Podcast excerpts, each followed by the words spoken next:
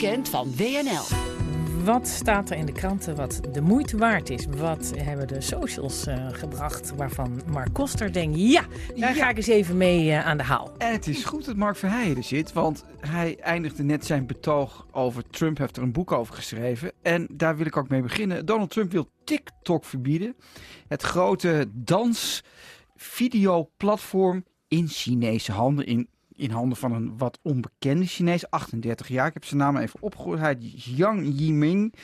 Ik spreek dat zeker verkeerd uit. Maakt niet uit, Mark. Maar de man is toch goed voor 13 miljard, al dus Wikipedia. Maar het kan ook 22 miljard zijn. Een machtige man. Trump wil dat dit wordt verboden, omdat hij vindt, betoogt hij, dat TikTok geheime gegevens of gegevens van al die kids, want het is vooral een beetje een kidsding, bij elkaar eh, sprokkelt.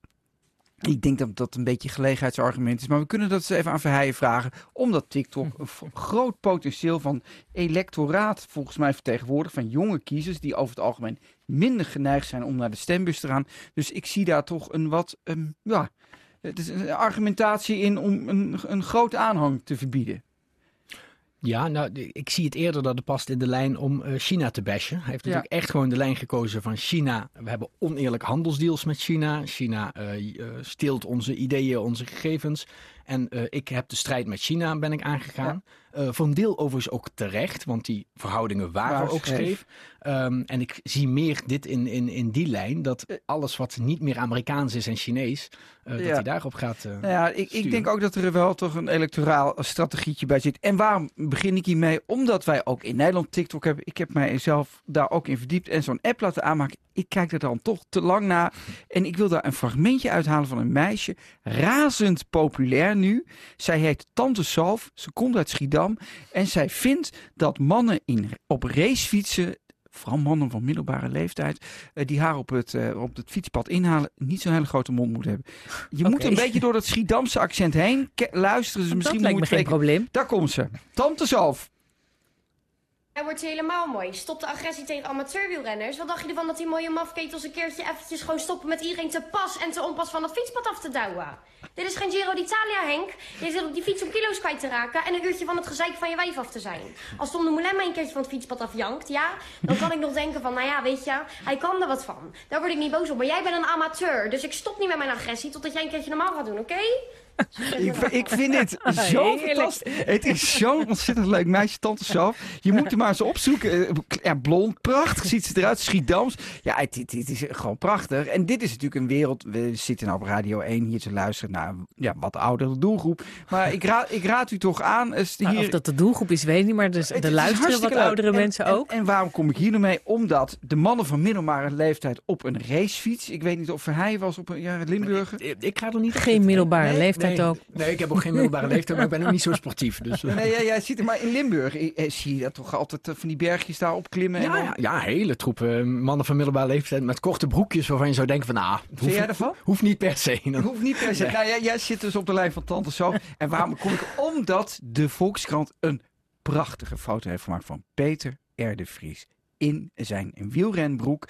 Peter R. de Vries is een... Hij weet wel altijd het nieuws te halen. Is een wielrenner. Waarmee nou weer? Er is een prachtig stukje over zijn vakantie in Nederland. Die houdt hij dus in Nederland omdat hij geen zin in heeft. In, in mondkapjes hij heeft ook vooral geen zin om... Hij was een tijdje in een, in een hotel in België om dan 's ochtends om tien uur al te moeten aangeven... of de dag ervoor moeten aangeven wat hij dan voor tien uur voor ontbijt heeft. Daar heeft Peter R. de Vries geen zin in. Maar Peter R. de Vries, en dat, ik, ik ben toch wel gek op die man hoor. En hij vertelt dan hoe hij zijn coronakilo's is kwijtgeraakt. Sterker nog, hij heeft nooit coronakilo's gehad. Want hij is, zegt hij zelf, een van de fitste mensen van Nederland. Dus dat vind ik flauwekul, coronakilo's. Ik sport het hele jaar door. In het zomerseizoen fiets ik buiten. En in de winter train ik binnen. Ik heb thuis ook een spinningfiets. En dan gaat hij nog even door. Als ik zeg, ik ga 75 kilometer fietsen. Dan mag het, mag het wel meer zijn, maar niet minder. Stel, ik kom weer bij mijn huis aan. En er staat 74 kilometer op te tellen. Dan rijd ik nog even een blokje om. Zodat ik echt 75 kilometer Kijk, winners mentality, hè? Hij zegt, ik moet daar heel veel voor doen. En hij zegt ook, en dat vind ik ook wel mooi, dat hij nog steeds het tempo heeft van 20 jaar geleden. Peter R. de Vries wordt 65, dus Oh. dat 45 Valt En in de die- categorie van Tante Soof dus. van Tante Soof. En hij zegt ook dat die mensen die 20 jaar jonger zijn nog steeds verslaat als het erop aankomt. Leuk hè, zo Je hoort zijn stem er ook gewoon bij. hè. Als je, als je die citaten hebt, dan hoor je zijn stem al in je Nou, maar hoofd. ik, vond, ik vind, en hij vertelt ook nog dat hij allerlei setjes heeft, want het moet dan wel harmoniseren. Mooi woord gebruikt hij de sokjes Hij doet een niet zomaar wat aan. Nee, ik, dat vind, had... ik ben eigenlijk toch wel groot fan van Maar hem. heel even, want jij begon mee te vertellen dat er eh, TikTok eh, gewoon eh, wordt gecensureerd. Weet je, het is wel de even serieus, vrije wereld. Zeker. Ik vind, ik vind dat nogal wat. Hè? Zeker. Alleen maar omdat het een Chinees bedrijf is dat er dan ook nog eh, geld aan verdient. Ja, maar het is een betoog dat platform. het tamelijk onschuldig is. En maar dat het is een Chinees... platform, internationaal platform. Zeker. Het is een soort van, nou, zeg maar, een soort van face- Facebook, YouTube-achtige combinatie. Zeker. Maar, maar ehm, Met, eh, Mark met Verheijen, dansfilmpjes. Hè, met, Ja, het ook. Is, Gewoon het is leuk. puur entertainment. Dus het is begonnen in China met... Nee, die, dit zijn echt kids. Het heeft ook niks met communisme te maken. Hè, voor, voor, voor, entertainment is Het is natuurlijk nooit zo onschuldig. Eh, Nee? hebt afgelopen week zaten in de, eh, bij een hearing in de Senaat in, Ja, ja. eh, in Amerika ook de grote jongens hè, van Facebook en dat soort dingen. maar dat zijn Dus geen Chinezen. dat zijn geen Chinezen, maar eh, Donald Trump is natuurlijk eh, al heel bang dat die informatie naar China gaat. En zo'n platform is natuurlijk uiteindelijk, als die heel veel gegevens hebben Dat en hebben heel ze. veel leden hebben, zijn ze natuurlijk uiteindelijk eh, nooit helemaal onschuldig. Er zit altijd een gevaar in dat ze die voor andere reden, andere Ja. doeleinden gaan inzetten. En nou, voordat ik hier kwam, een paar minuten geleden, werd al gezegd dat Microsoft mogelijkerwijs interesse heeft om het over te nemen. Dus daar zit dan, Mm. als jij de Microsoft aanhaalt, de, de Googles en de Facebook, daar ging het dan vorige week volgens mij meer over dan Microsoft. Maar goed, Microsoft, Bill Gates en Trump, dat is ook natuurlijk geen vriendschappelijk iets. Dus ik denk zelf, maar Verheijen ze zegt dat, gooit het echt op de Chinese kaart. Ik denk echt dat het ook wel toch wel met aanhang te maken heeft. Die TikTok-kids, eh, Beyoncé die daar haar, haar eerste clips op zet. Ik denk echt dat dat toch mee gaat spelen. Nou ja, ik vind het eh, censuur en ik eh, vind dat helemaal niet bij het Vrije Westen passen. Maar dat terzijde, wat heb je nog meer, Ja, Mark? ik heb nog meer. eh, ehm, nou, er, er staat een geweldige analyse in over eh, het Veronica Insight. Dat komt dus wel terug. Ja, in september. En ehm, nou, nou heeft het AD, wat mij betreft, daar het beste stuk over geschreven. Die hebben een analyse gemaakt. Ja, waar gaat het over? Een entertainment. Ja, van hij zit ook om te grinniken hier. Het gaat over een entertainmentprogramma van drie mannen aan een tafel die hun mening geven. Nou, dat ging dus even mis. Maar John de Mol zelf heeft een e-mail gestuurd naar Johan Derks en zei: Nu is het uit. Ik betaal jou. Wie betaalt, bepaalt. En jij moet doen wat ik zeg. Hij zegt ook: Jij, jij hoeft helemaal geen goede relatie te hebben met Wilfred Gené. De man die een beetje wordt aangevallen nu. Omdat hij een programma niet goed zou hebben geleid. Laat ik het vergelijken met een goed huwelijk met die lengte. Dan vraag je toch ook niet direct een scheiding aan na een slippertje. Dat is dan argument 1. Los daarvan is algemeen bekend dat jullie privé bepaald geen vrienden zijn, zegt de mol. Ik vraag jullie ook niet om met elkaar een vakantie door te brengen. En dit vond ik zo'n mooi woord. Bij Sporthuis Centrum. Gewoon twee keer naar de studio komen en je werk doen. Je contracten respecteren. Dat vraag ik en verlang ik. En nou, jullie lachten alle allebei. Sporthuis Centrum. Dat duidt toch wat mij betreft. En ik ja, jullie mogen dat anders zien, toch een beetje op de conservatieve inborst van Johan Derksen. Dat doet mij denken aan mijn vader, wijlen mijn vader, die altijd zei, jongens, stil sport in beeld. Ik zei, pa, het heet al jaren studiosport.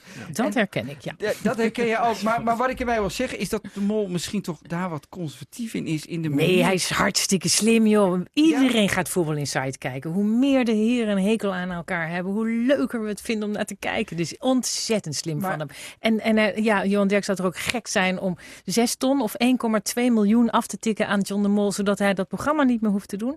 No way. Hij geeft de helft weg van het geld. Dat, is, komt, dat staat ook Ja, als hij het verdient. Maar als je het niet Nee, nee, nee, verdient. hij, hij, heeft, zou, hij krijgt per jaar zes ton, Johan Derks. En Maar gaat- dat moest hij anders betalen als hij zijn contract niet Nou, uitzat. Dat is Zo begreep ik dit. Ja, dat is wat. Nou, wat- dat wat- lijkt me een hele goede reden om daar weer lekker te gaan Nou zitten. ja, maar je kan ook zeggen, nou dan laat het dan maar voorkomen bij de rechtbank. Ik weet niet of, of Derks en Johan Derks en John de Mol samen in de rechtbank strijden het over hun. Dat vind ik, dat vind ik ook nog wel een verhaal, toch? Denk Nou, je, ik denk dat principes eh, wel, wel heel duur dure kunnen principes dan, ja. Ja? Zo. Oh, dat vind jij Ja, te dure principes, uh, Verheijen? Nou, ik vind, eh, ik vind dit is echt wel het komkommernieuws van dit jaar. Normaal hadden we altijd een dier in het nieuws. Hè? Een wolf zwarte ergens of panter. dat soort dingen. En nu hebben we een paar oude mannen die wat zitten te mopperen over geld. Nou, ik, ik vind de journalisten die hier allemaal zoveel over schrijven. Ik vind dat, ja, daar moet je...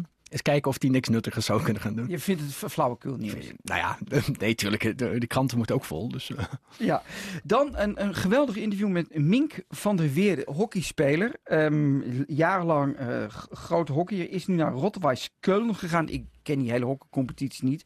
Maar hij reageert op, wat mij betreft, op een van de allermooiste interviews van dit jaar over dat racisme-debat. Maar wel een relevant interview met Terence Peters. We hebben dat in deze rubriek ook behandeld. Donkere hockeyspeler die eigenlijk vertelt dat hij jarenlang zich gediscrimineerd voelde in die veilige, keurige, witte, kakomgeving van het liberale goede gevoel. ik kijk Verheijen aan, ik kijk mezelf ook aan. Ik kijk mevrouw Spijker ook aan. Een beetje net Maar hij hockeyde wel mee, Hij hockeyde daar wel mee. maar dat, hij, dat hij niet mee mocht doen. Nee, maar hij hockeyde wel. Maar hij vertelde dus eigenlijk dat hij toch wel jarenlang een, een rotgevoel heeft. Nou heeft een, een collega van hem, Mink van der Weerde, daar heel, uh, iets over gezegd. En die zegt...